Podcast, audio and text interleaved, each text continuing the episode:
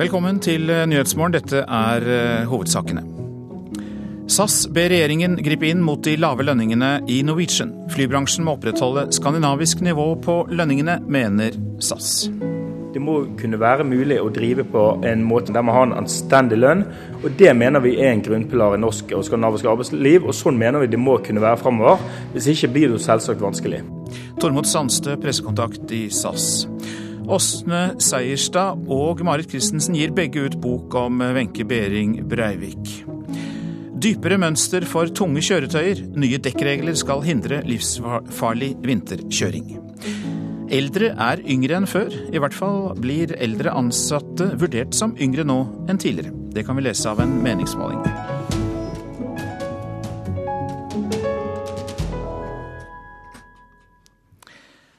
SAS ber regjeringen gripe inn, slik at flybransjen fortsatt kan lønne ansatte med skandinavisk lønn. Også Norwegians egne flygere krever at myndighetene endrer regelverket i luftfarten. Flygerne vil ha slutt på at selskapene ansetter utenlandske arbeidere med langt dårligere vilkår enn i andre selskaper. Dette er jo en politisk utfordring. for Her må man se hvordan ønsker politikeren at framtiden i luftfarten skal være. Sier Tormod Sandstø, pressekontakt i SAS. I NRK har det kommet fram at konkurrenten Norwegian gir de fleste av sine thailandske ansatte en grunnlønn på under 3000 kroner måneden. SAS mener regjeringen nå må ta grep, så flybransjen fortsatt kan gi skandinaviske lønner. Og det er klart Hvis den utfordres, hvis det eh, slås ben under den modellen, da er det klart at da må SAS se på nødvendige tiltak. Hvilke tiltak SAS eventuelt kan eller vil ta, mener Sandstø er for tidlig å si. Ja, det blir jo litt sånn spekulasjon spekulasjoner, hypotetisk kan du si. Men det vi mener er at det må kunne være mulig å drive på en måte som man har en, der man har en anstendig lønn. Og Det mener vi er en grunnpilar i norsk og skandinavisk arbeidsliv, og sånn mener vi det må kunne være framover. Hvis ikke blir det jo selvsagt vanskelig. En flyekspert tror likevel at Norwegians vri med lokale lønner, selv på langdistanseflyvninger, er kommet for å bli. Enn så lenge så er jo Norwegian i forhold til det lavkostsegmentet førstemann ut. Det er en svært viktig konkurransefordel i framtida. Og analytiker Ivar Andreas Lemmiken Juel i Fondsfinans mener modellen vil bli stadig mer vanlig i luftfarten. Og jeg tror sånn at de andre vil komme etter. Men når vi her er Norwegian først ute, eh, og jeg tror på, lengre sikt så, Om det blir en suksess, det vet vi først om to år. Tre år kanskje. Men i, sånn min personlige mening er at det kommer til å bli en stor suksess. Jeg tror det kommer til å utvide lang, langdistansemarkedet betraktelig. Det blir veldig mye enklere for oss å ta en helgetur til New York f.eks. Lederen for pilotforeninga i Norwegian, Halvor Vatnar, tror SAS kommer til å ta etter arbeidsgiveren hans. Ja, Det sier seg selv at de må jo det, skal de overleve. Skal noen stoppe det, er det politikerne, mener han. Dette er et politisk ansvar. Vatnar mener det er norske styresmakter som i prinsippet har gitt Norwegian høve til å tilsette thaier på asiatiske vilkår, fordi det norske selskapet Norwegian får lov til å ha en flybase i Bangkok. Ja, tydeligvis har norske myndigheter godkjent. Og det må komme klare lover og regler som definerer basen hvor flybesetningsbaser er. Bør norske myndigheter forby at Norwegian kan ha en base med ansatte i Bangkok? Ja, så lenge strukturen er sånn som det er nå, så mener vi det. Det burde, burde ikke være mulig. Eh, operasjonen går ut fra Skandinavia. Man driver forretning i Skandinavia. Da må man også ta konsekvensen av at man driver eh, og har fabrikken i Europa og Skandinavia. Og forholde seg til vilkår som er vanlig i bransjen i denne delen av verden. Fagforeninga for Norwegian-pilotene har tidligere opplevd støtte for sine argument fra Frp. Vi hadde jo samtaler med den gang opposisjonen på vårparten i år hvor de hadde stor forståelse for problemstillingen, og endog stilte en del kritiske spørsmål til da sittende samferdselsminister Arnstad og eh, Huitfeldt i Arbeidsdepartementet. Og Vi forventer at de da går på med like krum hals som det virket som de gjorde den gangen. og Nå er de i en maktposisjon, og at vi ser at ting materialiserer seg. Så det går an å ta vare på arbeidsplasser i denne bransjen i framtida, også i Europa. Og hvis du savnet en kommentar fra Samferdselsdepartementets politiske ledelse her, så kan vi legge til at de er opptatt med budsjettarbeid og kunne ikke kommentere saken da den ble laget i går. Statssekretær John Ragnar Aarseth har tidligere lovet å se nærmere på Norwegians lønninger og luftfartens regelverk. Reportere Sindre Heyerdahl og Håvard Grønli. Men vi gir oss ikke helt med dette. Lise Christoffersen, velkommen til deg. Takk for det. Du er medlem i arbeids- og sosialkomiteen på Stortinget for Arbeiderpartiet. Hva syns du om at eh, regjeringen bør gripe inn for å beholde skandinavisk lønnsnivå i flyselskapene? Ja, Her syns jeg vi skal gjøre det vi kan. Eh, og den forrige regjeringa var allerede i gang med en utredning som de hadde som mål å sluttføre i løpet av dette året for å se om det finnes muligheter innenfor norsk eh, lovverk og regelverk til å stoppe den bekymringsfulle utviklinga vi ser nå, som ikke kan kalles noe annet enn sosial dumping. Hvilke verktøy har man i dette lovverket til å hindre det? Det er et veldig komplisert regelverk, og vi har ikke de entydige, klare svarene på det nå. Det var nettopp det som eh, skulle utredes, og vi oppfordrer jo den nye regjeringa til å fortsette det arbeidet. Og så gjorde vi én liten ting som vi i hvert fall kunne gjøre, og det var å nekte at eh, thailandsk personell også skulle jobbe på flyvninger i Norge når en hadde kommet fra utlandet og til Norge før en reiste ut igjen. Da krevde det arbeids- og oppholdstillatelse og en endring av utlendingsforskriften. Det sa vi nei til. Fremskrittspartiets næringspolitiske talsperson eh, Nesvik han sa i april at eh, de ville endre den forskriften. Så jeg håper jo at det som kom fram i reportasjen her, er det som er riktig. Hva syns du om at uh, talsmannen fra SAS snakker om å se på nødvendige tiltak? Oppfatter du det som en trussel? Nei, jeg oppfatter det som på den ene sida helt eh, legitime krav fra fagforeninger og arbeidstakere som har opparbeida seg rettigheter. På den annen side så ser vi jo sosial dumpings to ansikter her. Og den andre sida er jo at det er konkurransevridende for de som ønsker å drive på et anstendig nivå. Ja, at SAS kan komme til å ansette folk fra andre land og få lavere lønninger. Hvis vi ikke klarer å stoppe den utviklinga vi ser nå, så er det klart at hvis en da skal konkurrere, så kommer den spiralen bare til å bre om seg. Det blir ringvirkninger som kommer til å omfatte flere selskaper, og det er en veldig beklagelig utvikling. Men vi hørte også i innslaget at eh, det ble sagt at det kan bli enklere å ta en helgetur til New York når eh, dette blir så eh, liberalisert som det nå ser ut til å bli, den internasjonale konkurransen om flytur. Ja, er det ikke sånn? Vi mennesker er da litt sånn først meg sjøl og Eh, så meg sjøl. Men det får jo noen konsekvenser, og jeg syns det er prisverdig at NRK tar opp denne saken, sånn at forbrukeren i hvert fall kan gjøre kvalifiserte valg. At en veit hva som ligger bak den billige billetten før en handler. Men uansett så blir det vanskelig for norske flyselskaper å konkurrere internasjonalt? Ja, hvis denne utviklingen får lov til å fortsette, så blir det det. Og går det ikke å stoppe det innenfor norske regler, så får en se om en må ta dette her opp internasjonalt, og se om en kan få en internasjonal regulering av dette. Lise Christoffersen, takk skal du ha. Du er medlem i arbeids- og sosialkomiteen på Stortinget for eh, Arbeiderpartiet. Også Åsne Seierstad gir ut bok om Wenche Behring Breivik. Kort tid etter Marit Christensens bokutgivelse om Anders Behring Breiviks mor, kommer eh, Seierstad ut med sin bok. Det bekrefter Seierstad overfor VG i dag. I dag blir Marit Christensens bok 'Moren' gitt ut. Seierstads bok 'En av oss' blir utgitt 11. Boka til Christensen var først varslet utgitt 15.11, men i går ble det klart at forlaget Aschehoug hadde ombestemt seg, og at boka slippes allerede i dag. Både forlaget og Christensen selv nekter for at boken er framskyndet pga. Seierstads bok.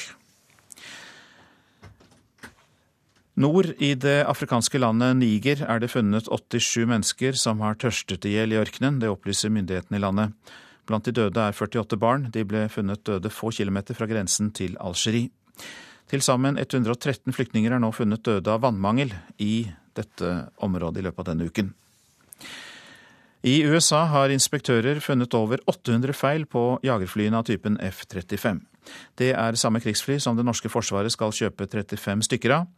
Produsenten innrømmer problemer, men sier at over 80% allerede er fikset av problemene, altså. De resterende 20% kommer til å være i orden innen april neste år, opplyser Lockheed Martin til Dagens Næringsliv. I morgen innføres det nye dekkregler for tunge kjøretøy. Nå håper myndighetene at nesten dobbel mønsterdybde og krav om vinterdekk skal få slutt på uvettig kjøring på norske veier. Det betyr forhåpentligvis større trafikksikkerhet, og at vi unngår en del av de mange ulykkene som vi ser hver eneste vinter, med utenlandske vogntog med, som ligger strødd langs norske vinterveier. Det sier Geir Mo, administrerende direktør i Norges Lastebileierforbund. De nye reglene som innføres 1.11, gjelder for vogntog med tillatt totalvekt på over 3500 kg. Tilfredsstilles ikke de nye kravene til mønsterdybde på dekkene, betyr det et gebyr på over 700 kroner per dekk. Ronny Lindesteg, fagleder i Statens vegvesen, håper dette vil gi resultater. Vi håper jo at det blir en uh, gevinst uh, i trafikksikkerheten. Uh, og Vi er jo spent på hvordan spesielt de utenlandske sjåførene, om de har fått med seg de nye reglene. De siste årene har utenlandske sjåfører vært involvert i flere alvorlige ulykker på norske vinterveier pga. dårlig dekk og vanskelige kjøreforhold.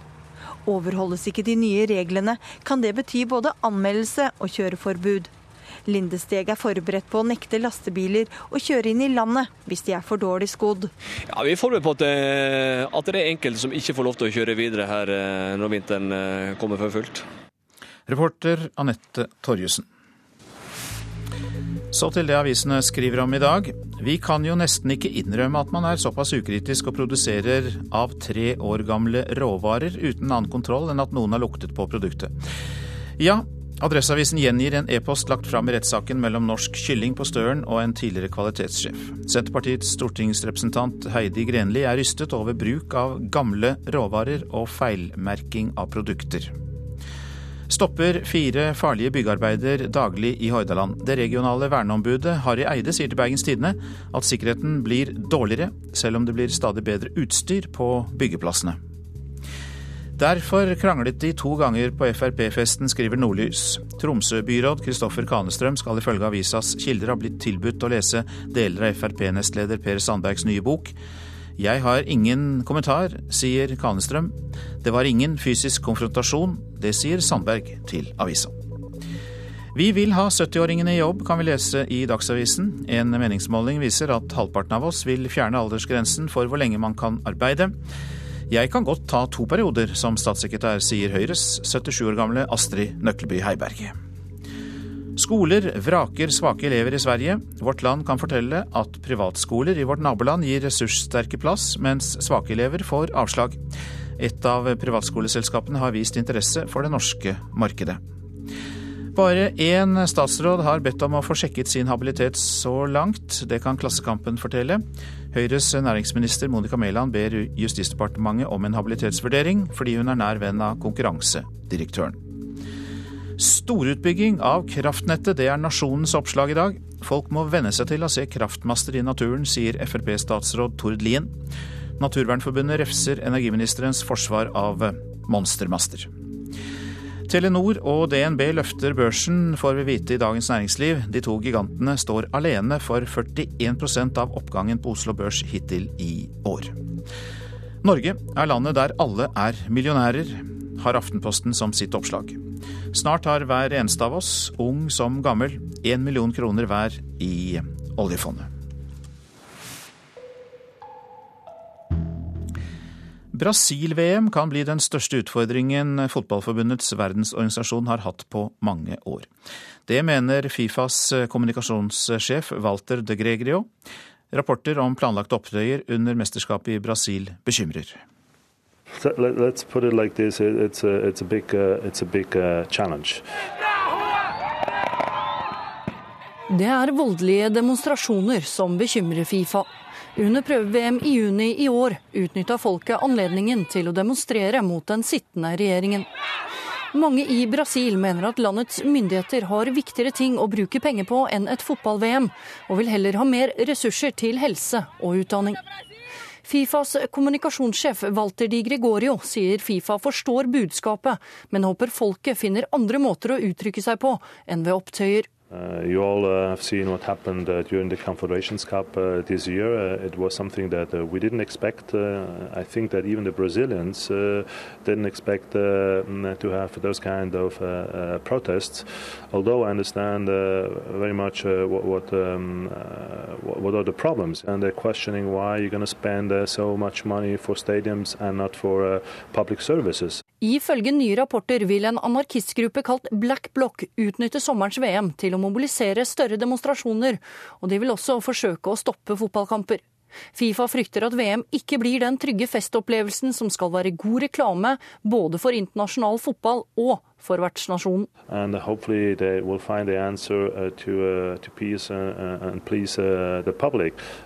our goal is to deliver a World Cup and uh, hopefully we can. Reporter Vibeke Unnhjem.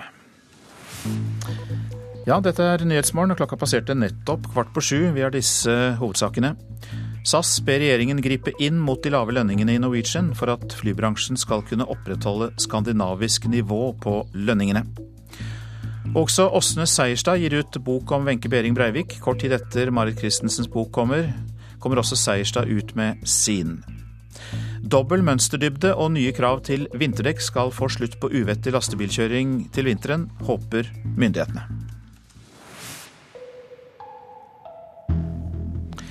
Nå til at det er ny strid rundt avfallshåndteringen i Gulen i Sogn og Fjordane. Bedriften Alexela på Slørvåg vil tilsette stoffer i den bensinen de lagrer. Ordfører Halvard Oppedal liker det dårlig at det igjen skal tilsettes ulike kjemiske produkter i tankene, for bedriften ble rammet av en eksplosjon for seks år siden. Daglig leder i Alexelia, Slørvåg, Lars Narverud, sier det er trygt. Det kan jo f.eks. være tilsetning av bioetanol i bensin for å få ned utslippene og få en renere kvalitet. Det kan være tilsetning av eh, parafin til 101 eh, oktan bensin for å få flybensin. Alexela Sløvåg har ikke vært direkte heldig med satsinga si i Gulen. Dagen etter at selskapet tok over anlegget i mai 2007, gikk to tanker i lufta etter at ulike produkter var blanda sammen i tankene. Neste etappe var rettssaker mot tidligere eier og store kostnader i samband med opprydding etter eksplosjonene. Da det nye, moderne tankanlegget sto klart til bruk, hadde fraktratene endret seg så dramatisk at det er mer lønnsomt å mellomlagre bensinprodukt i tankskip enn i tankanlegg på land. Ordfører i Gulen, Halvard Oppedal, var ikke kjent med at Alexela har endret konsept, og han liker det ikke. Nei, det er klart vi er litt mer skeptiske til den, den biten. da. Vi var jo eh, ikke noe særlig fornøyde med, med den, det som var tidligere. sånn at, eh, at, det er jo mye bedre med en uh, ren mellomlagring da, eller tiden hvis en skal begynne å blande. Det estiske eide selskapet har så langt tapt om lag en halv milliard kroner i Gulen, og Narverud sier det var helt nødsynt å endre driftskonseptet. Han forteller at løyver til blanding og tilsetting av ulike produkter er på plass, og avviser at det er grunn til å frykte det nye konseptet. Nei da, det er det ikke, og det er helt innenfor den operasjonstillatelsen vi allerede har. Det er ikke noen forandringer sånn sett. Ja, så det er ikke fare for eksplosjon her? Ikke mer enn, det, enn den vanlige driften medfører. Enhver drift har vel en fare for en eksplosjon på en eller annen kalkulert risiko, men, men ikke noe mer enn det vi allerede har eh, kalkulert med.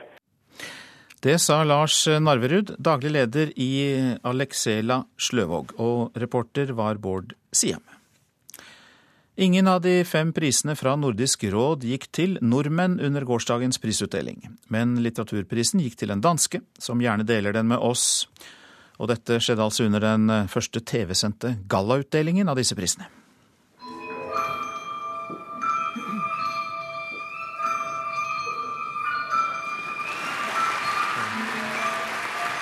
Det var rød løper og lange kjoler i Operaen i Oslo i går. For første gang ble Nordisk råd sine priser offentliggjort og utdelt under ei gallaforestilling og kringkasta på TV i alle de nordiske landene. Og vinningshaven er Og vinneren er Og vinneren er Ingen fra Norge.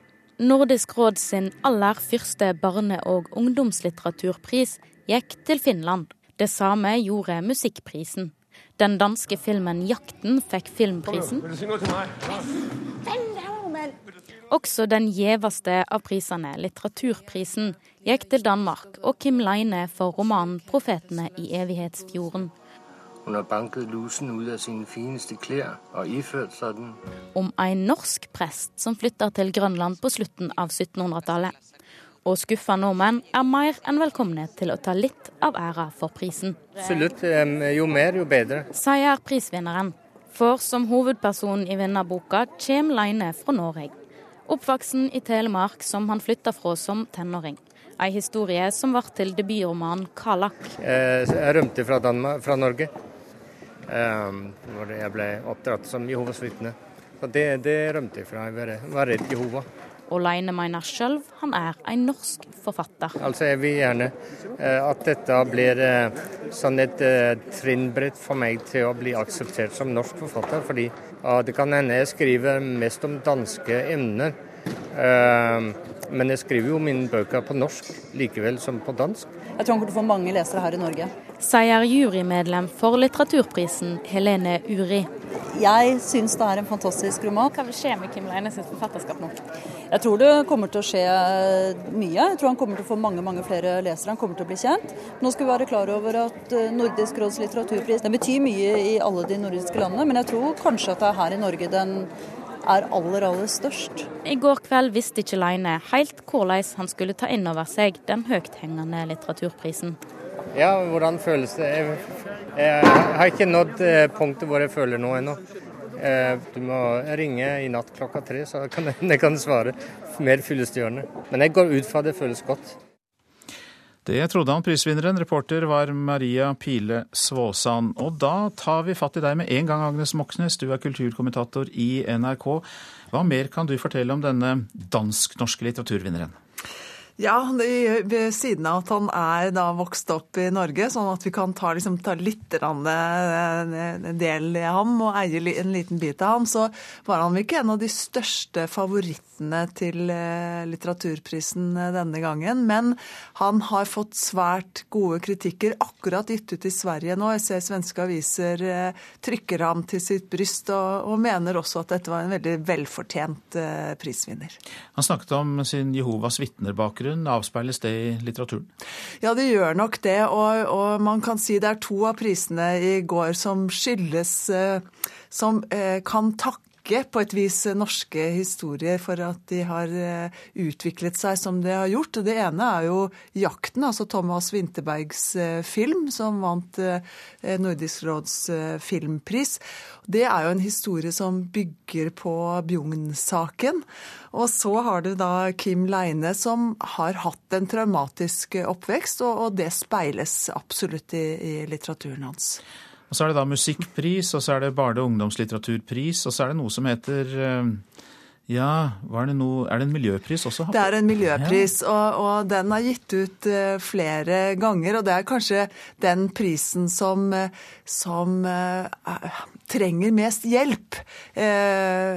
fordi at dette er jo kulturpriser, og så har man lagt av denne miljøprisen inn i den. Den er gitt ut flere ganger.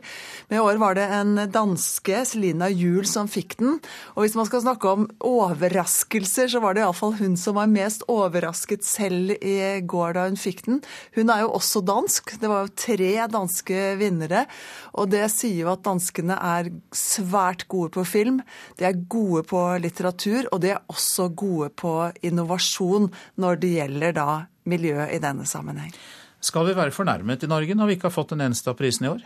Nei, jeg syns ikke vi skal være fornærmet. Vi, vi, må bøye oss litt i støvet for både dansker og finner. Var jo Danmark fikk tre priser, Finland eh, stakk av gårde med to av dem.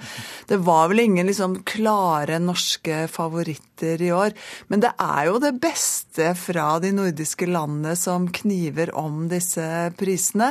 Sånn at eh, her må man vel bare si at det er stor stas å, å bli nominert nominert, og det kunne også blitt en norsk vinner i år òg. Så må vi henge på spørsmålet om dette showet som var på TV i går kveld. Eh, altså vår egen Hans Olav Brenner. Men eh, også da Sofia Helin, som vi kjenner fra Broen. Mm.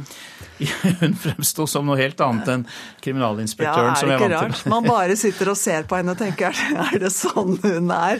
Eh, så hun får jo mye oppmerksomhet nettopp pga. at vi kjenner henne jo bare som, som en hovedrolleinnehaver med en veldig spesiell rolletolkning i Broen. Så sånn, eh, og det var jo veldig profesjonelt levert, eh, selvfølgelig. Og så var jo prisvinnerne ganske morsomme, det må jeg si. Særlig den finske musikkprisvinneren som bare satte i gang og fikk orkesteret til å spille bakgrunnsmusikk mens han takket for eh, prisen. Du Agnes Moxnes, dette kan vel folk finne på nrk.no hvis de klikker seg inn? Og... Absolutt ja. på, på nrk.no. De kan få se det. De kan Der få se kan det man se det. Ja. Hjertelig takk for at du kom, kulturkommentator her i NRK. Nå skal vi gå over til eh, dialekter på Facebook, for det viser seg at mange av oss bruker dialekten vår. Så mange som åtte av ti gjør det, viser en undersøkelse, altså når vi er på dette sosiale nettstedet. Og det betyr at Språkrådet følger godt med på om det kan påvirke normert skriftspråk. Hvis jeg prater med eller skriver med venninnene mine, så hender det at vi gjør det. Men ikke de offisielle statusene. Jeg bruker mest når jeg snakker i melding med andre folk. Føler jeg har blitt enklest å kommunisere sånn.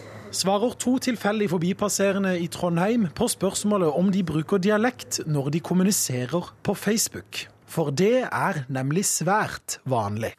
Eh, den nye undersøkelsen min om bruken av språk på Facebook viser at hele 77% sender meldinger på dialekten sin sier Berit Skog, førsteamanuensis ved Institutt for sosiologi og statsvitenskap ved NTNU. Hun har nylig gjennomført en undersøkelse i Trondheim blant dem mellom 9 og 36 år, der nesten åtte av ti svarer at de bruker dialekt på Facebook. Eh, dialekt eh, signaliserer identitet og også stedstilhørighet. Ellers er jo dialekt veldig OK i forhold til å kommunisere med venner og kjæreste. Fordi at det underbygger et vi-forhold. Det skaper en slags eh, samhørighet. Eh, vi følger rett og slett eh, med så godt vi kan på hvordan språkbruken utvikler seg i sosiale medier. Sier Arnfinn Muruvik Vonen og er direktør i Språkrådet. Språkrådet følger nøye med på om dialektbruk kan påvirke det normerte skriftspråket. Ja, altså Vi er jo årvåken på det. Vi ser jo at det er en, en mulighet for at noe sånt kan skje. Men siden man enda ikke vet hvilke konsekvenser dialektbruk i sosiale medier har, er Språkrådet positive til at ungdom bruker skriftspråk mer enn før, også på dialekt. Vi tror at uh, sosiale medier har gjort det mulig for folk å bruke skriftspråk mye mer enn de gjorde før, generelt. Og det syns vi er en så positiv utvikling at eh, det er viktigere enn eh, den eh, eventuelle frykten man kan ha.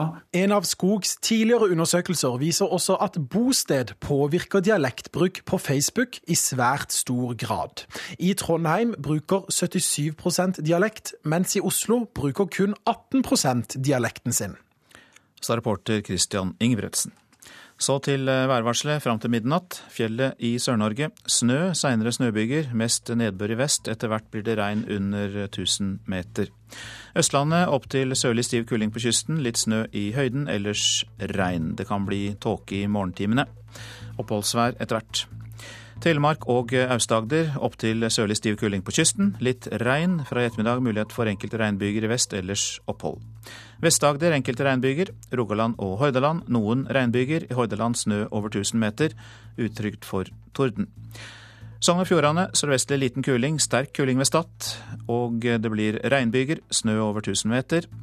Møre og Romsdal dreining til sørvestlig stiv kuling på kysten, som minker ut på dagen. Enkelte regnbyger i ytre strøk, seinere opphold. Trøndelag sørøst liten kuling utsatte steder, opp i stiv kuling i nord. Enkelte regnbyger i ettermiddag opp i sørvestlig liten kuling. Og det blir stort sett oppholdsvær. Helgeland og Saltfjellet oppholdsvær. Fra i ettermiddag sørlig periodevis liten kuling på kysten, og det blir regn fra sør i ettermiddag, snø i fjellet. Så går vi til Salten, Ofoten og Lofoten. Avtagende nedbørsaktivitet og etter hvert oppholdsvær. I kveld litt regn igjen i sørlige deler av Salten og Lofoten. Vesterålen regnbyger, fra i ettermiddag stort sett opphold. Troms spredt regn eller sludd i sør. I kveld eh, også spredt regn og sludd på kysten, ellers i Troms opphold. Kyst- og fjordstrøkene i Vest-Finnmark sørøstlig liten kuling utsatte steder og oppholdsvær. I kveld litt sludd eller snø. Finnmarksvidda sludd eller snø. Fra i ettermiddag for det meste opphold. Øst-Finnmark stort sett oppholdsvær. Nordensjøland på Spitsbergen mulighet for litt snø i øst, ellers opphold. Så tar vi med oss temperaturene klokka fire.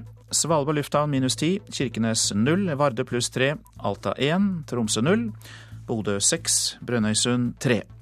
Trondheim-Værnes én grad, Molde fem, Bergen-Flesland åtte grader. Stavanger og Kristiansand ti grader, Gardermoen null, Lillehammer én grad minus. Røros minus fem. Og så er vi på plussiden igjen i Oslo. Oslo-Blindern fire grader.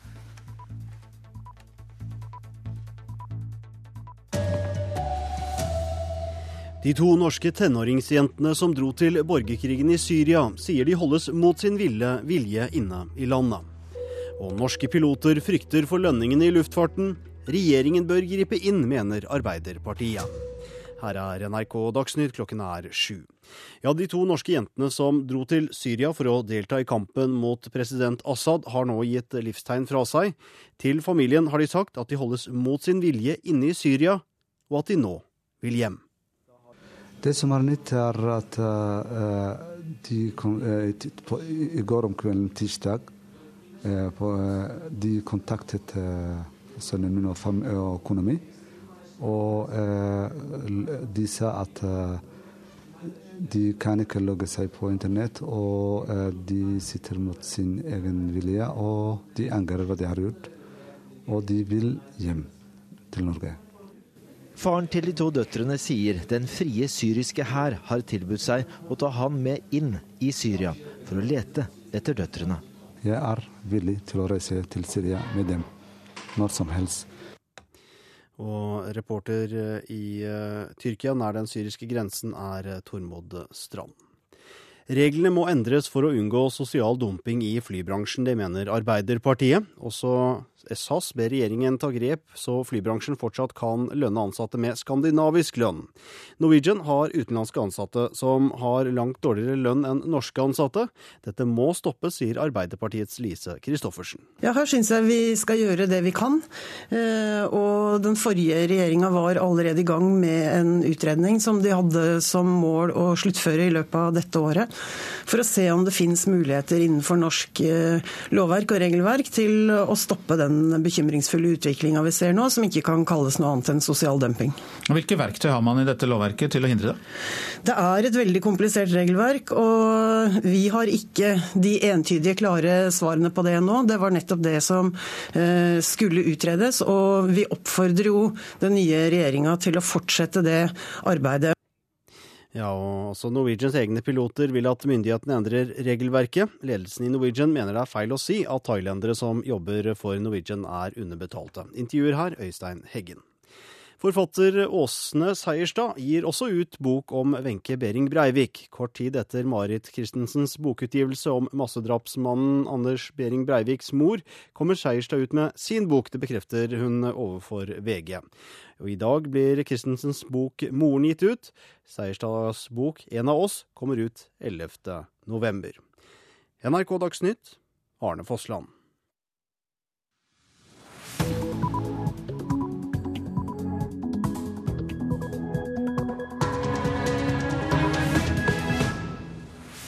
Og nå fortsetter Nyhetsmorgen. Vi får mer om de norsk-somaliske jentene som holdes mot sin vilje i Syria. Både Åsne Seierstad og Mark Christensen skriver altså bøker om Wenche Behring Breivik. Vi eh, utdyper også dette i denne sendingen. Et stikk kan redde liv. Leger uten grenser krever lavere priser for vaksiner for å redde flere barn. Brillefin? Kanskje. Men eh, flere norske barn må bruke briller, og ingen vet helt hvorfor.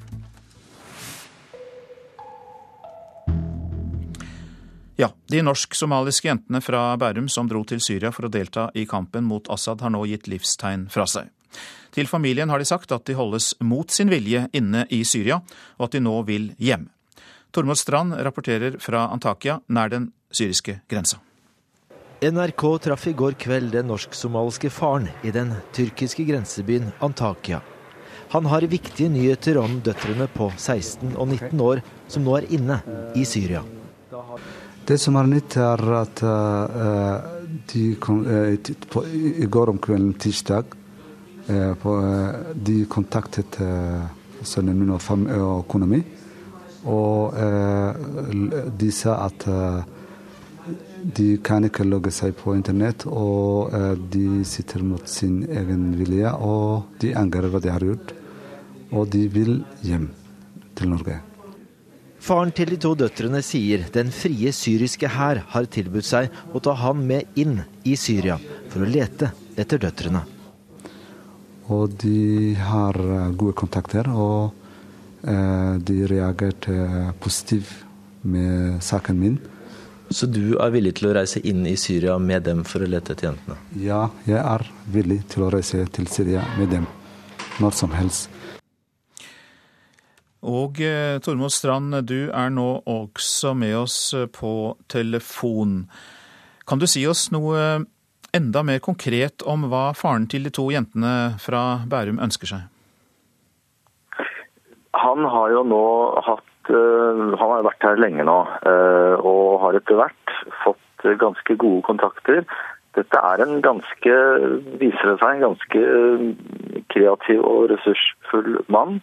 Snakker arabisk, så han har etter hvert fått seg ganske gode kontakter her spesielt i den frie syriske hær. Dette er jo uh, den grupperingen i Syria som hoppsi er de moderate, og som har tanker om et demokratisk, pluralistisk Syria. Han har fått gode kontakter der. Den frie syriske hær har sagt at de er villige til å være med han inn i Syria for å lete etter døtrene. Problemet er selvfølgelig at man er usikker på hvor i Syria døtrene er.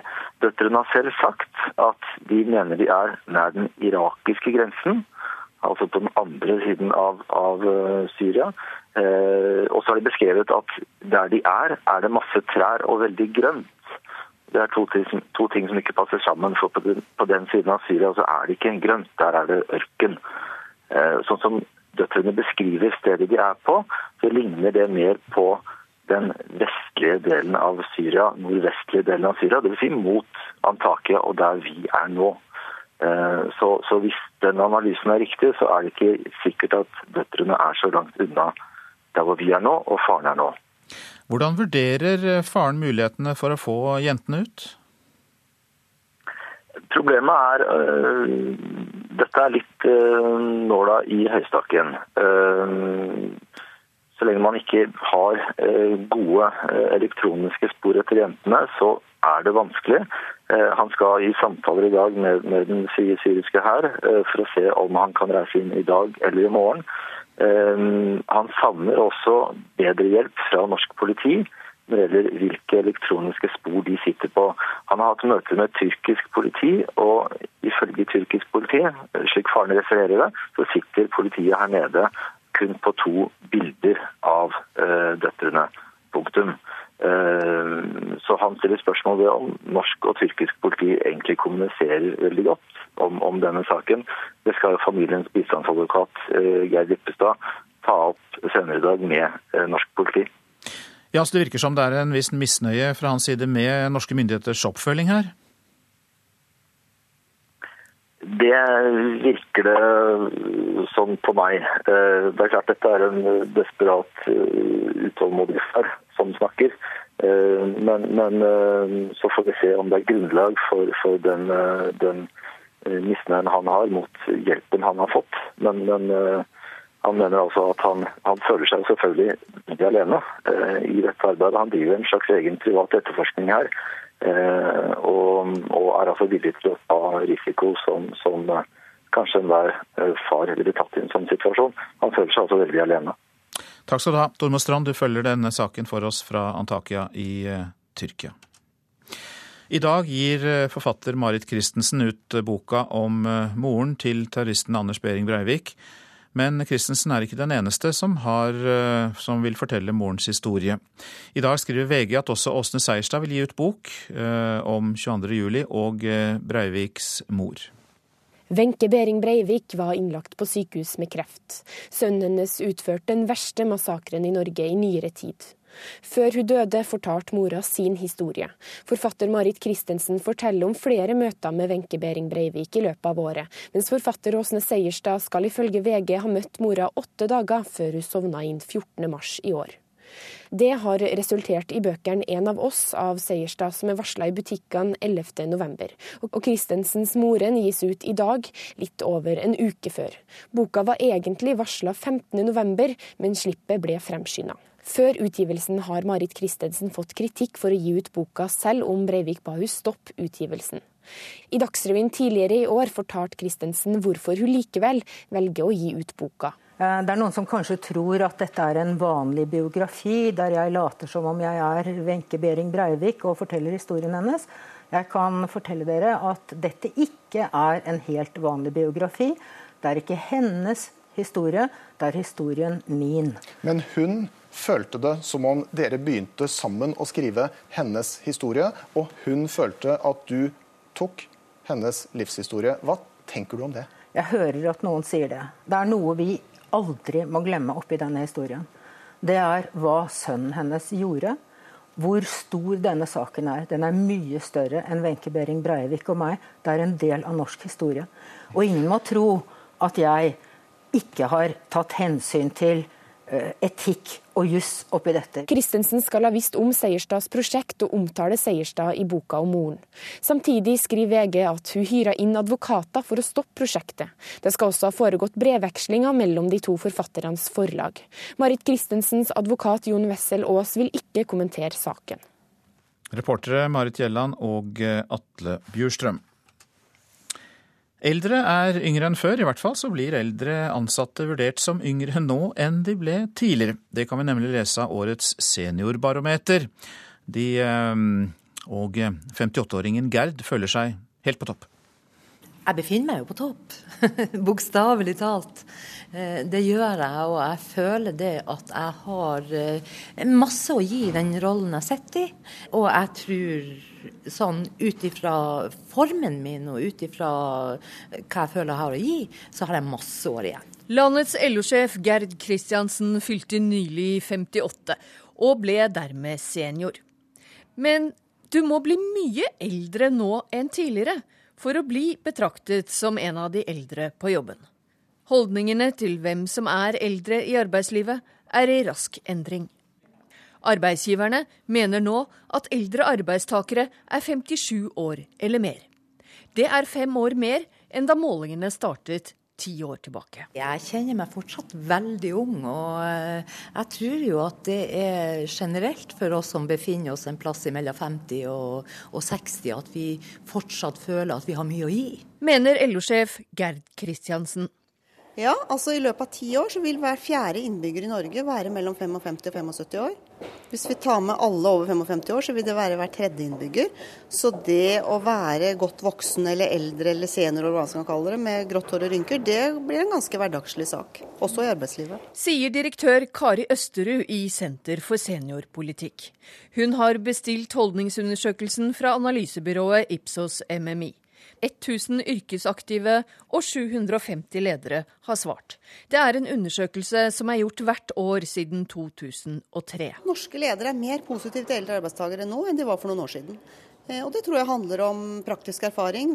Norske ledere ser at de er like produktive, er like omstillingsdyktige og leverer godt i forhold til de arbeidsoppgavene de skal løse. Så det, det er også med på å bidra til positive holdninger. Seniorpolitisk barometer viser også at arbeidstakerne stadig utsetter tanken på pensjonisttilværelsen. Folk vil jobbe 4,1 år lengre i dag enn de ville for ti år siden. Vi spør jo i barometeret om uh, hvor gammel man tror man skal være den dagen man slutter å jobbe helt. Uh, og i gjennomsnitt så svarer folk 65,1 år. Det er faktisk fire år lenger enn det bare var for ti år siden. Så der har det skjedd en veldig stor endring i synet på det å arbeide etter fylte 60 år. Reporter her, det var Hedvig Bjørgum. Ja, dette er Nyhetsmorgen. Klokka den går mot 7.14. Vi har disse hovedsakene. De dro til Syria for å hjelpe i kampen mot president Assad. Nå vil de to norsk-somaliske jentene hjem. SAS ber regjeringen gripe inn mot de lave lønningene i Norwegian for at flybransjen skal kunne opprettholde skandinavisk nivå på lønningene. Også Åsne Seierstad gir ut bok om Wenche Behring Breivik kort tid etter at Marit Christensens bok kommer ut.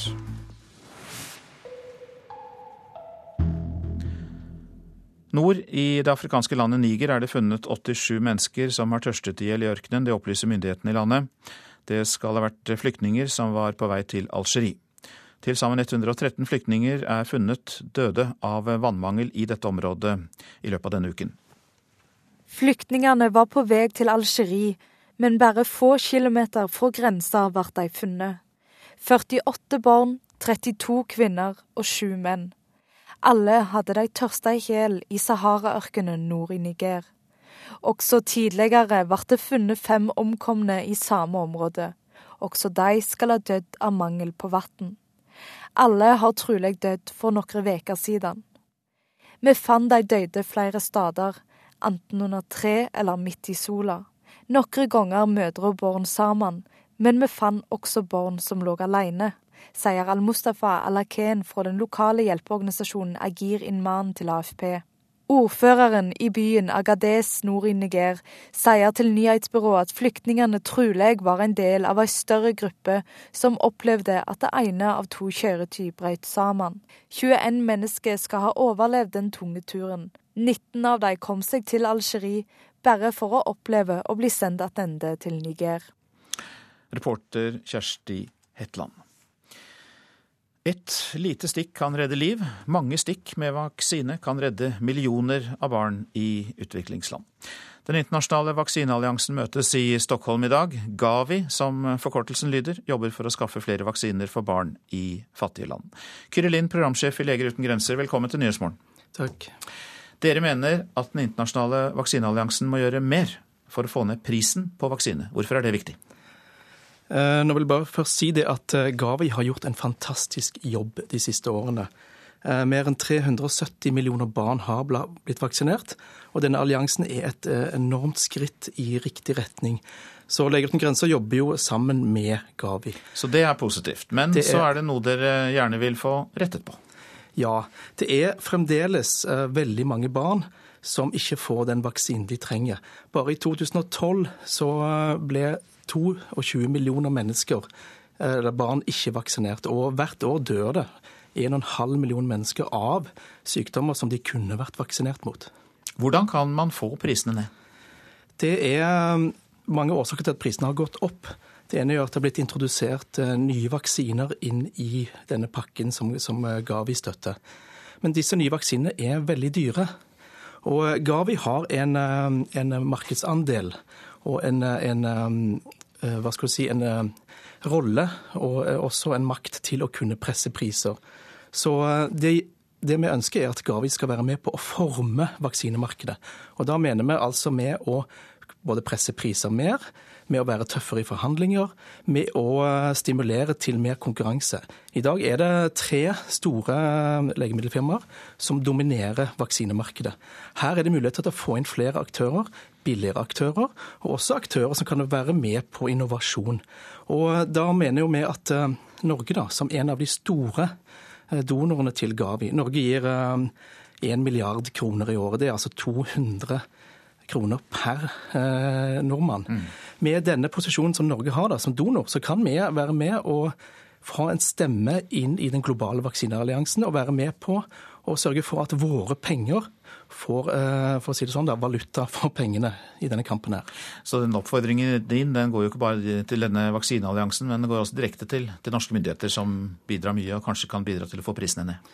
Ja, eh, som eh, en av de største donorene så har Norge en selvsagt rolle å spille i, i, dette her.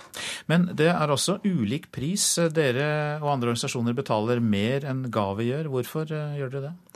Det er jo fordi at vi ikke sitter sammen med Gavi, eller ikke med Gavi i disse forhandlingene. Og det burde dere få forandret på, kanskje? Ja, altså vi er jo på samme lag. Vi, vi jobber jo for å, å, få ned barnedødeligheten i verden. Både Leger uten grenser, Gavi og andre aktører og land som ikke er støttet av Gavi, jobber mot dette målet. Alle vil dit.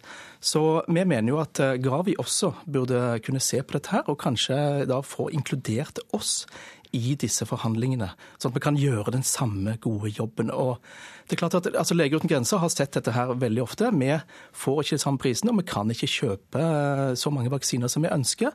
Og våre intervensjoner kan bli forsinket, eller rett og slett ikke nå ut til alle de menneskene vi kan nå ut til. Og Leger uten grenser jobber jo i områder som f.eks. Eh, i Syria, i krig, i konflikter. Steder hvor det er veldig vanskelig å nå ut og få vaksinert barn. Takk skal du ha, Kyrre Lind, programsjef i Leger uten grenser, som kommer med denne oppfordringen til eh, vaksinealliansen, som du da også har skrytt av i dag. Takk skal du ha. Takk.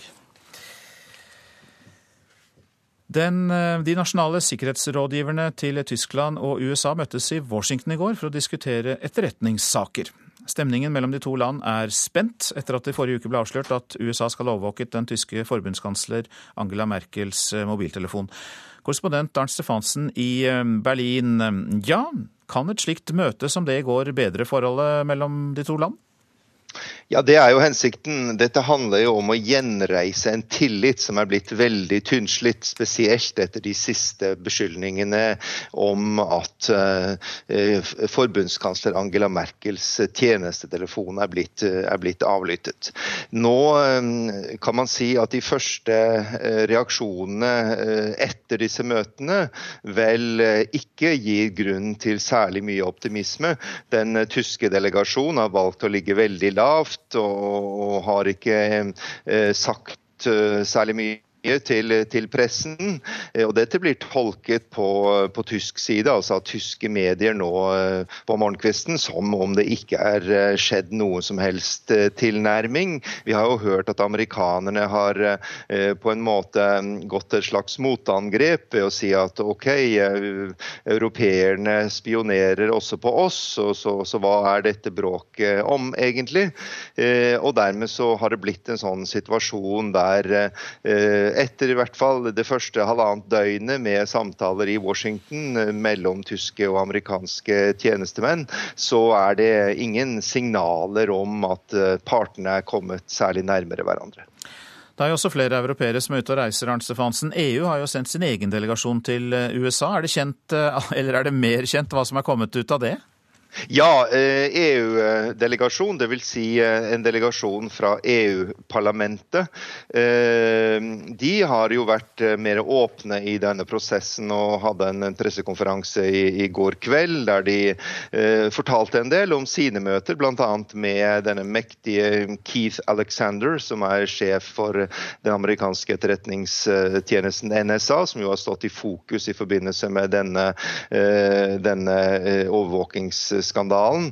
Eh, og eh, i hvert fall den tyske representanten i delegasjonen, som er en erfaren eh, kristelig demokrat, altså partifelle av Angela Merkel, Elmar Bruch, han sier da at Alexander skal ha innrømmet og at det har skjedd en direkte avlytting av Angela Merkels telefon.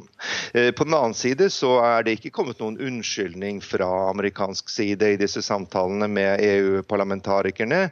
Ehm, ehm, man har også der fått høre disse eh, skal vi si, eh, gjensidige beskyldningene. Amerikanerne sier at europeerne har gjort mye av spionasjen selv, og, vice versa.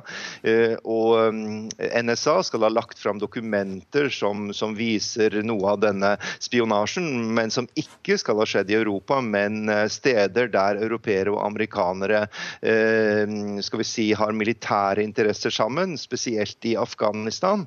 Eh, og det er vel ingen som, eh, som benekter at det skjer en felles innsamling av etterretningsmateriale i, i, slike områder, men da er det altså ikke snakk om eh, europeiske borgere. Slik at summa summarum så er disse første møtene i Washington etter etter denne store skandalen, over, overvåkningsskandalen. Eh, de foregår i en stemning av skal vi si, gjensidig mistenksomhet og liten, få tegn til at tilliten er i ferd med å bli gjenreist. Takk skal du ha, Arnt Stefansen fra Berlin. Så et blikk på avisene. Adresseavisen gjengir en e-post lagt fram i rettssaken mellom Norsk Kylling på Støren og en tidligere kvalitetssjef. Vi kan jo nesten ikke innrømme at man er såpass ukritisk og produserer av tre år gamle råvarer uten annen kontroll enn at noen har luktet på produktet. Ja, Senterpartiets stortingsrepresentant Heidi Greni sier til avisen at hun har rystet over bruk av gamle råvarer og feilmerking av produkter. Stopper fire farlige byggearbeider daglig i Hordaland. Det regionale verneombudet Harry Eide sier til Bergens Tidende at sikkerheten blir dårligere, selv om det blir stadig bedre utstyr på byggeplassene. Derfor kranglet de to ganger på Frp-festen, skriver Nordlys. Tromsø-byråd Kristoffer Kanestrøm fra Frp skal ifølge avisas kilder ha blitt tilbudt å lese deler av Frp-nestleder Per Sandbergs nye bok. Jeg har ingen kommentar til det, sier Kanestrøm. Det var ingen fysisk konfrontasjon, sier Sandberg til avisa. Vi vil ha 70-åringene i jobb, kan Dagsavisen fortelle. En meningsmåling viser at halvparten av oss vil fjerne aldersgrensen for hvor lenge man kan arbeide. Jeg kan godt ta to perioder som statssekretær, sier Høyres 77 år gamle Astrid Nøkleby Heiberg. Skoler vraker svake elever i Sverige. Vårt Land kan fortelle at privatskoler i vårt naboland gir ressurssterke plass, mens svake elever får avslag. Et av privatskoleselskapene har vist interesse for det norske markedet. Bare én statsråd har bedt om å få sjekket sin habilitet så langt, kan Klassekampen fortelle i dag. Høyres næringsminister Monica Mæland ber Justisdepartementet om en habilitetsvurdering, fordi hun er nær venn av konkurransedirektøren. Storutbygging av kraftnettet, det er nasjonens oppslag. Folk må venne seg til å se kraftmaster i naturen, sier Frp-statsråd Tord Lien. Naturvernforbundet refser energiministerens forsvar av det de mener er monstermaster. Telenor og DNB løfter børsen, det får vi vite i Dagens Næringsliv. De to gigantene står alene for 41% av oppgangen på Oslo Børs hittil i år. Norge er landet der alle er millionærer. Det er oppslaget i Aftenposten. Snart har hver eneste av oss, ung som gammel, én million kroner hver i oljefondet.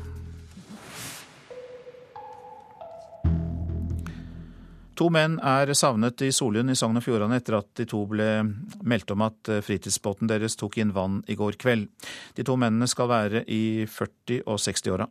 Det har pågått søk i hele natt. Det forteller operasjonsleder ved Hordaland politidistrikt, Bjarte Rebnor. Eh, I løpet av natten så har det vært flere båter i søk der. Det har vært to eh, kystvaktfartøy. Det har vært en eh, redningsskøyte, en kystbåt og en god del lokale småbåter. Grunnet dårlig vær, høye bølger og mye vind, så har en del av disse båtene måttet gi seg utover natten. Men disse to kystvaktfartøyene de har vært i, i søk og er fortsatt i søk på stedet. Og så skal vi høre at det er mer vanlig at barn bruker briller enn før. Hva som er årsaken er det ingen som kan si noe sikkert om. Og slik som ti år gamle Vanessa Nok Tran, som går på Marikollen skole i Kongsvinger, ja, hun er en av dem som må ha briller. Ja, det var veldig sånn tåkete, og jeg så ikke helt hva det sto på tavla og sånn. Internasjonale studier viser at oppimot én av fem barn trenger briller eller en annen form for synskorrigering. Kari Nystuen er assisterende rektor ved Markollen skole, og har jobba i skolen i nesten 30 år. Hun synes det er tendenser til at flere elever trenger briller. Det kan jo se ut som at det er det, eh, når man går rundt i klassene og ser. Hva som er årsaken til det, er det ingen som kan si sikkert. Optikerne får i hvert fall ofte besøk av barn. Ja, det vil jeg si. Eh, både fordi de er langsynte, nærsynte, har samsynsproblemer. Eh, så er det flere barn som kommer til oss.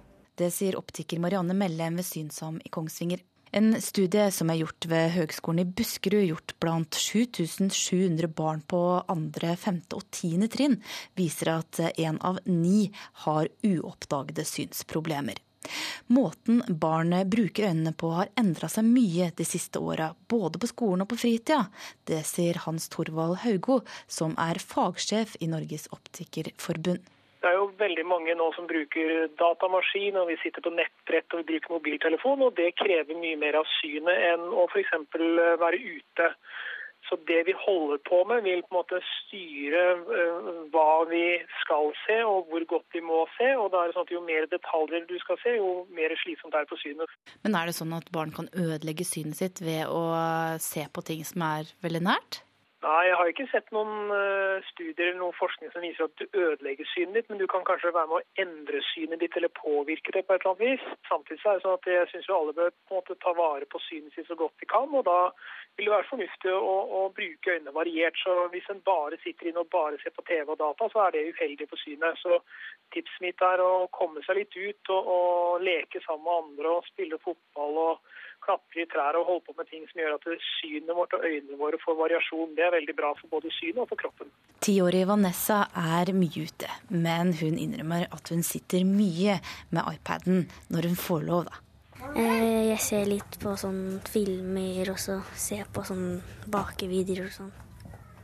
Får du lov til å sitte hvor mye du vil med PC og nettbrett og sånn? Nei, det varierer litt. Men så er det mamma og pappa da, som sier fra at du ikke får lov til å sitte så lenge? Ja. Da, si, da blir det så da, Av og til så fortsetter jeg å se på. Av og til blir de sure og sier at, det, at de tar iPaden min. Reporter her, det var Ann Kristin Moe. Strømpriser og nye kjøreregler for arbeidslivet det blir belyst i Politisk kvarter. I reportasjen etter Dagsnytt kan du høre at elefanter blir drept i jakten på elfenben i Kenya. Prosent for Nyhetsmorgen i dag, Eli Bieland. Her i studio, Øystein Heggen. Og det tikker fram mot Dagsnytt nå.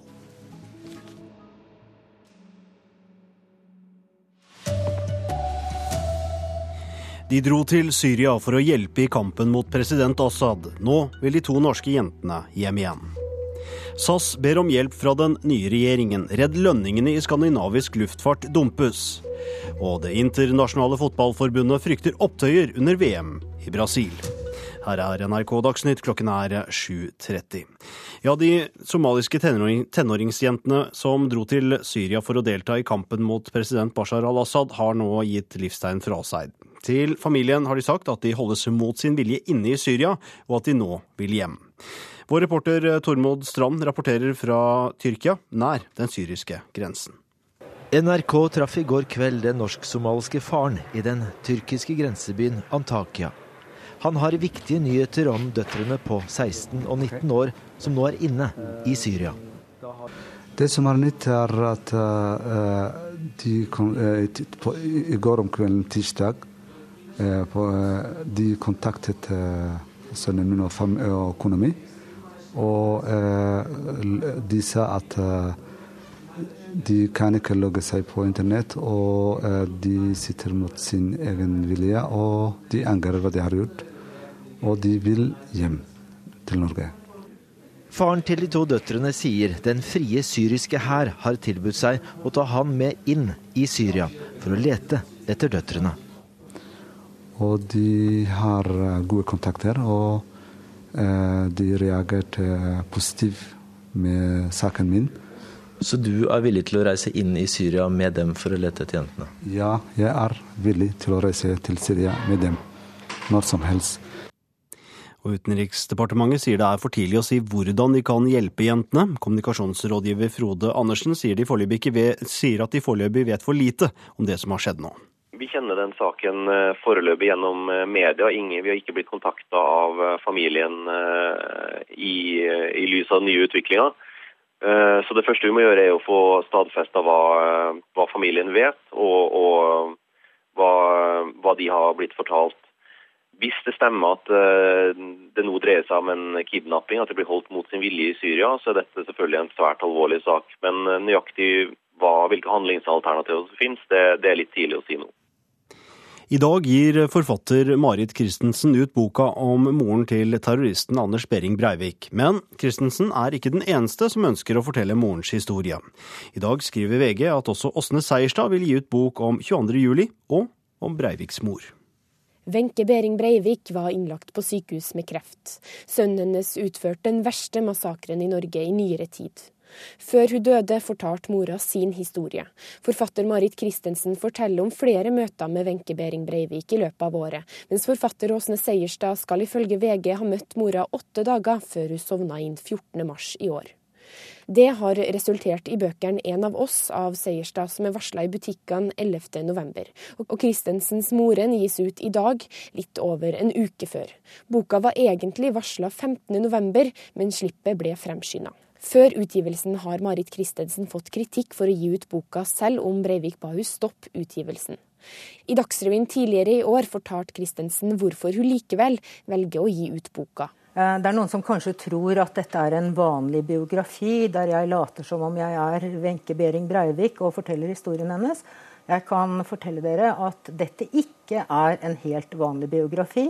Det er ikke hennes historie, det er historien min. Christensen skal ha visst om Seierstads prosjekt og omtale Seierstad i boka om moren. Samtidig skriver VG at hun hyra inn advokater for å stoppe prosjektet. Det skal også ha foregått brevvekslinger mellom de to forfatternes forlag. Christensens advokat Jon Wessel-Aas sier til oss at han ikke har hørt om den påståtte forlagsstriden. Han sier Seierstads utgivelse viser at Christensen ikke gjorde noe galt da hun møtte Wenche Behring Breivik den siste tiden før hun døde. Reporter her var Marit Gjelland. SAS ber regjeringen ta grep så flybransjen fortsatt kan lønne ansatte med skandinavisk lønn. Også Norwegians egne piloter krever at myndighetene endrer regelverket. Pilotene vil ha slutt på at flyselskapene ansetter utenlandske arbeidere med langt dårligere vilkår enn andre i selskapet. Hvordan ønsker politikeren at framtiden i luftfarten skal være? Sier Tormod Sandstø, pressekontakt i SAS. I NRK har det kommet fram at konkurrenten Norwegian gir de fleste av sine thailandske ansatte en grunnlønn på under 3000 kroner måneden. SAS mener regjeringen nå må ta grep, så flybransjen fortsatt kan gi skandinaviske lønner. Hvilke tiltak SAS eventuelt kan eller vil ta, mener Sandstø er for tidlig å si. Men det vi mener er at det må kunne være mulig å drive på en måte som man har en, der man har en anstendig lønn. Og Det mener vi er en grunnpilar i norsk og skandinavisk arbeidsliv, og sånn mener vi det må kunne være framover. Hvis ikke blir det jo selvsagt vanskelig. En flyekspert tror likevel at Norwegians vri med lokale lønner, selv på langdistanseflyvninger, er kommet for å bli. Enn så lenge så er jo Norwegian i forhold til det lavkostsegmentet førstemann ut. Det er en svært viktig konkurransefordel i framtida. Og analytiker Ivar Andreas Lemmiken Juel i Fondsfinans mener modellen vil bli stadig mer vanlig i luftfarten. Om det blir en suksess, det vet vi først om to år. Tre år kanskje. Men min personlige mening er at det kommer til å bli en stor suksess. Vi tror det kommer til å utvide lang, langdistansemarkedet betraktelig. Det blir veldig mye enklere for oss å ta en helgetur til New York f.eks. Lederen for pilotforeninga i Norwegian, Halvor Vatnar, tror SAS kommer til å ta etter arbeidsgiveren hans. Ja, Det sier seg selv at de må jo det, skal de overleve. Skal noen stoppe det, er det politikerne, mener han. Dette er et politisk ansvar. Vatnar mener det er norske styresmakter som i prinsippet har gitt Norwegian høve til å tilsette thaier på asiatiske vilkår, fordi det norske selskapet Norwegian får lov til å ha en flybase i Bangkok. Ja, tydeligvis har norske myndigheter godkjent. Og det må komme klare lover og regler som definerer basen hvor flybesetningsbaser er. Bør norske myndigheter forby at Norwegian kan ha en base med ansatte i Bangkok? Ja, så lenge strukturen er sånn som det er nå, så mener vi det. Ja, og Samferdselsdepartementet kunne ikke kommentere dette i går, og Norwegian mener at det er feil å si at thailendere som jobber for dem er underbetalte. Reportere her var Sindre Heierdal og Håvard Grønli. Nord i det afrikanske landet Niger er det funnet 87 mennesker som har tørstet i hjel i ørkenen der, det opplyser myndighetene i landet. Det skal ha vært flyktninger som var på vei til Algerie. Til sammen 113 flyktninger er nå funnet døde av vannmangel i dette området denne uken. Flyktningene var på vei til Algerie, men bare få kilometer fra grensa ble de funnet. 48 barn, 32 kvinner og 7 menn. Alle hadde de tørsta i hjel i Sahara-ørkenen nord i Niger. Også tidligere ble det funnet fem omkomne i samme område. Også de skal ha dødd av mangel på vann. Alle har trolig dødd for noen uker siden. Vi fant de døde flere steder, enten under tre eller midt i sola. Noen ganger mødre og barn sammen, men vi fant også barn som lå alene, sier Al-Mustafa Alaken fra den lokale hjelpeorganisasjonen Agir Inman til AFP. Ordføreren i byen Agadez nord i Niger sier til nyhetsbyrået at flyktningene trolig var en del av en større gruppe som opplevde at det ene av to kjøretøy brøt sammen. 21 mennesker skal ha overlevd den tunge turen. 19 av dem kom seg til Algerie bare for å oppleve å bli sendt tilbake til Niger. Sa reporter Kjersti Hetland. Brasil-VM blir den største utfordringen Fifa har hatt på mange år. Det mener Fifas kommunikasjonssjef Walter de Gregorio. Rapporter om planlagte opptøyer under mesterskapet bekymrer Det internasjonale fotballforbundet. It's a big uh, challenge. Under prøve-VM i juni i år utnytta folket anledningen til å demonstrere mot den sittende regjeringen. Mange i Brasil mener at landets myndigheter har viktigere ting å bruke penger på enn et fotball-VM, og vil heller ha mer ressurser til helse og utdanning.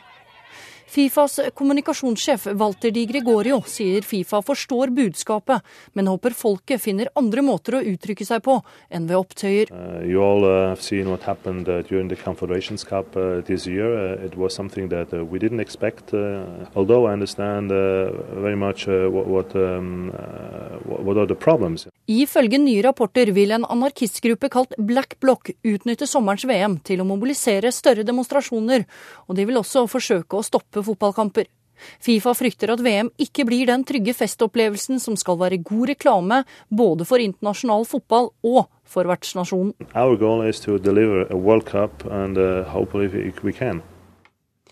Og reporter her, det var eh, Vibeke Unnhjem. I morgen innføres det nye dekkregler for tunge kjøretøy. Nå håper myndighetene at nesten dobbel mønsterdybde og krav om vinterdekk skal få slutt på uvettig kjøring på norske veier. Ansvarlig for Dagsnytt-sendingene denne morgenen er Bjørn Christian Jacobsen, teknisk ansvarlig Lars Tronsmoen. Jeg heter Arne Fossland.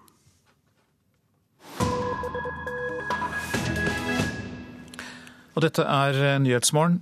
Krypskyttere dreper elefanter i Kenya på jakt etter elfenben. Elefantbarna står morløse igjen. Men det er noen som forbarmer seg over dem. Denne reportasjen er laget av Afrikakorrespondent Lars Sigurd Sunnano. Frokost med vann og høy. Vi er på et barnehjem i Voi, midt i Kenyas største nasjonalpark, Tsavo. Her blir 16 foreldreløse elefanter tatt hånd om av den britiske stiftelsen David Sheldrick Wildlife Trust. De får mat, vann og pleie til de blir åtte-ni år gamle. Da kan de klare seg selv og slippes ut i nasjonalparken igjen. Den yngste elefanten er bare åtte måneder gammel. Hun ble funnet av parkvoktere og brakt til barnehjemmet for bare noen få dager siden. Moren var skutt og drept av snikskyttere, forteller dyrepasseren Julius Getoy. I feel so sad, so bad, because you see now jeg er så lei meg. Det er så ille at noen har drept moren til den lille elefanten der, og latt henne bli alene, hjelpeløs ute i nasjonalparken, sier han. Våpen klargjøres. En patrulje er på vei inn i nasjonalparken. Tsavo er på størrelse med Buskerud fylke, og de 12 000 elefantene der beskyttes av rundt 300 bevæpnede parkvoktere. De har en krevende og risikabel oppgave, for også snikskytterne har våpen. Men for noen få uker siden gikk det dårlig, svært dårlig, for tre av dem i et sammenstøt med parkvokteren i Savo forteller kaptein Simon Langat. We. Uh, we pinned them down. They were three numbers. We recovered uh, eight ducks and uh, two cans. When you say pin down, what does that mean? It means that we succeeded. We killed them. Men jakten på elfenben fortsetter, både her og i de andre nasjonalparkene i Kenya. Nesten daglig må en elefant bøte med livet og få de verdifulle støttennene saget av.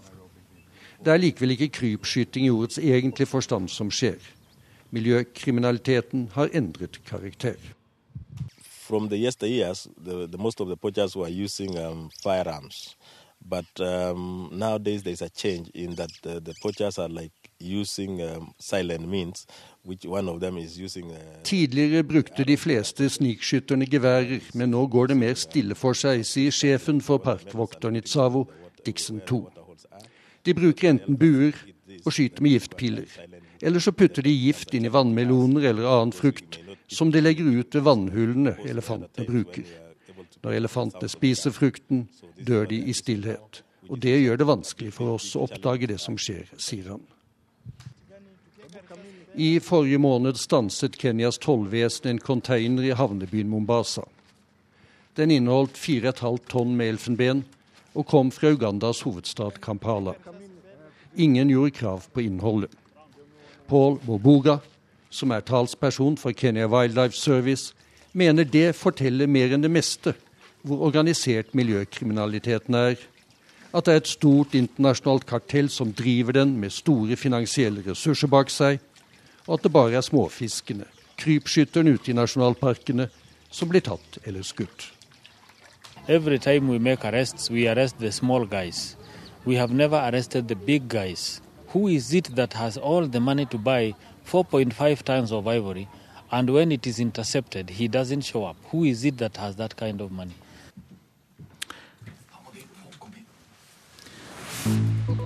Dette er hovedsakene i Nyhetsmorgen. De norsk-somaliske jentene fra Bærum som dro til Syria, sier at de holdes i Syria mot sin vilje, og at de vil komme hjem igjen. SAS ber regjeringen gripe inn mot de lave lønningene i Norwegian for at flybransjen skal kunne opprettholde skandinavisk nivå på lønningene. Og det kommer ut to bøker som omtaler moren til Anders Behring Breivik. Både Åsne Seierstad og Marit Christensen skriver bøker om Wenche Behring Breivik. Da er det klart for Politisk kvarter, og eh, all fartken det skal handle om, handle om både strømpriser og arbeidsliv. Ja, det skal det, for regjeringen vil endre arbeidsmiljøloven og gi flere muligheter for midlertidige ansettelser og mer fleksible arbeidstider. Betyr det flere jobbmuligheter for folk, eller bare et hardere arbeidsliv? Her i studio sitter arbeidsministeren og Unio-lederen. Og så skal vi spørre energiministeren om han skal ta hele regningen for utbygging av strømnettet, eller om forbrukerne må regne med å betale mer for strømmen. Vi får se hva han svarer.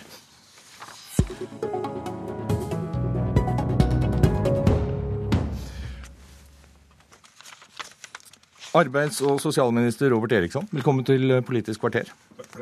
Du har varslet at på ditt område så vil det merkes godt at det har kommet en ny regjering. Åpning for mer, flere midlertidige ansettelser, videre rammer for arbeidstid, det er et par temaer som har fått fagbevegelsen til å pusse våpnene.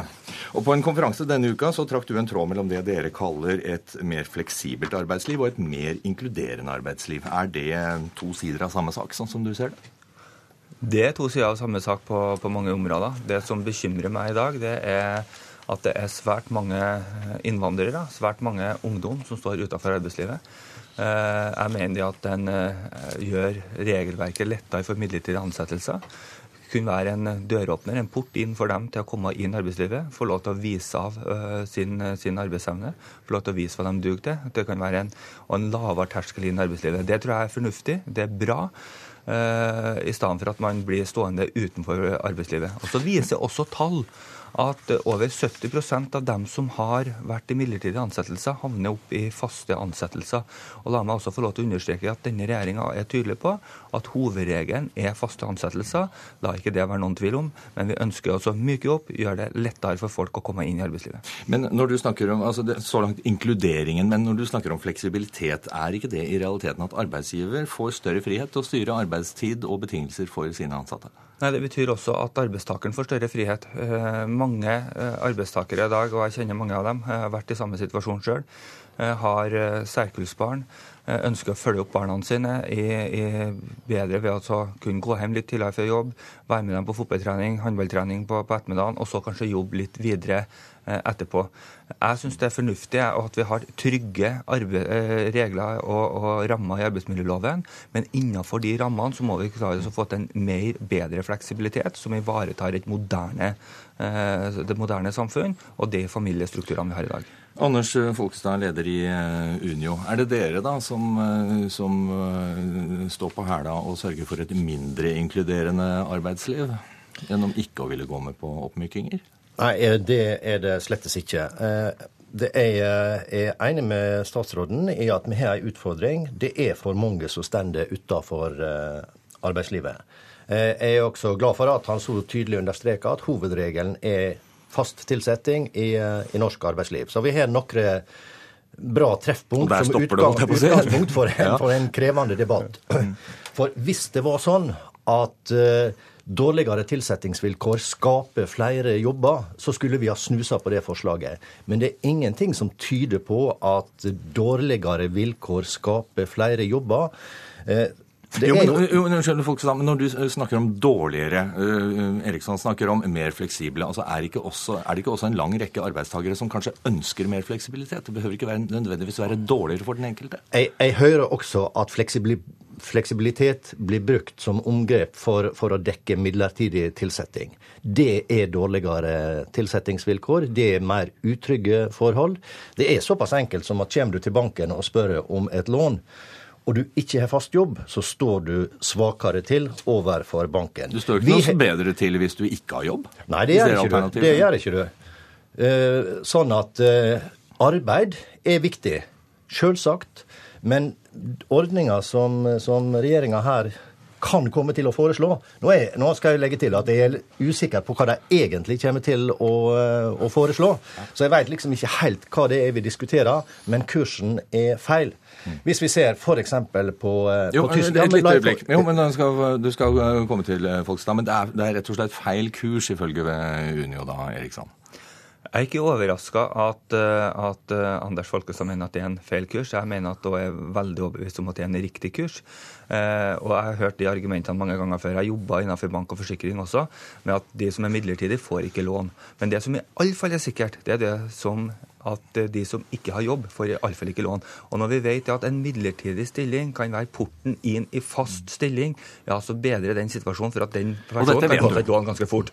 Men så er det Men, men hva dokumentasjon har du, Eriksson, på at uh, det at uh, midlertidig tilsetting gir flere faste jobber i arbeidsmarkedet for folk.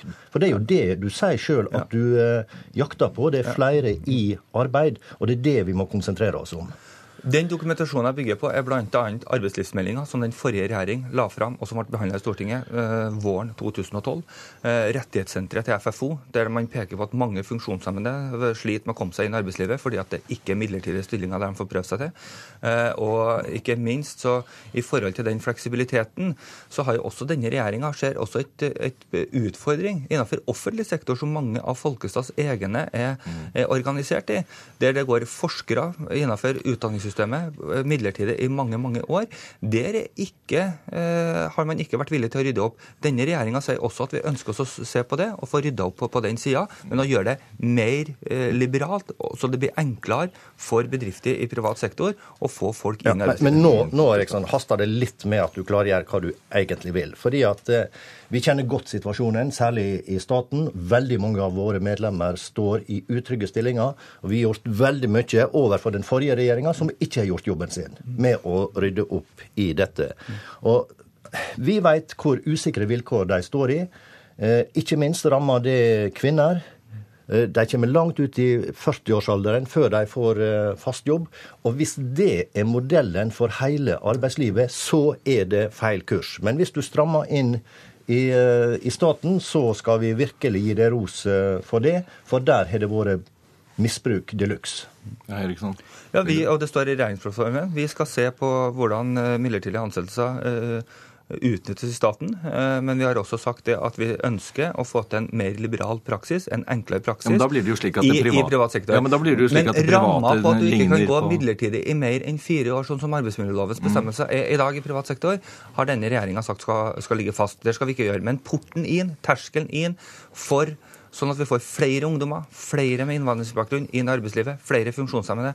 Det syns jeg er bra. Det er viktig for denne regjeringa. Det blir mer inkluderende. Men, men, men hvorfor, hvorfor, er det sånn at eh, de som du sier nå står svakest uh, i arbeidslivet, også skal inn i de mest utrygge stillingene? Og hva er det slags mekanisme som skaper arbeidskraftbehovet når det blir eh, flere mellomdelstilsettinger? Det er det jeg prøver å spørre om.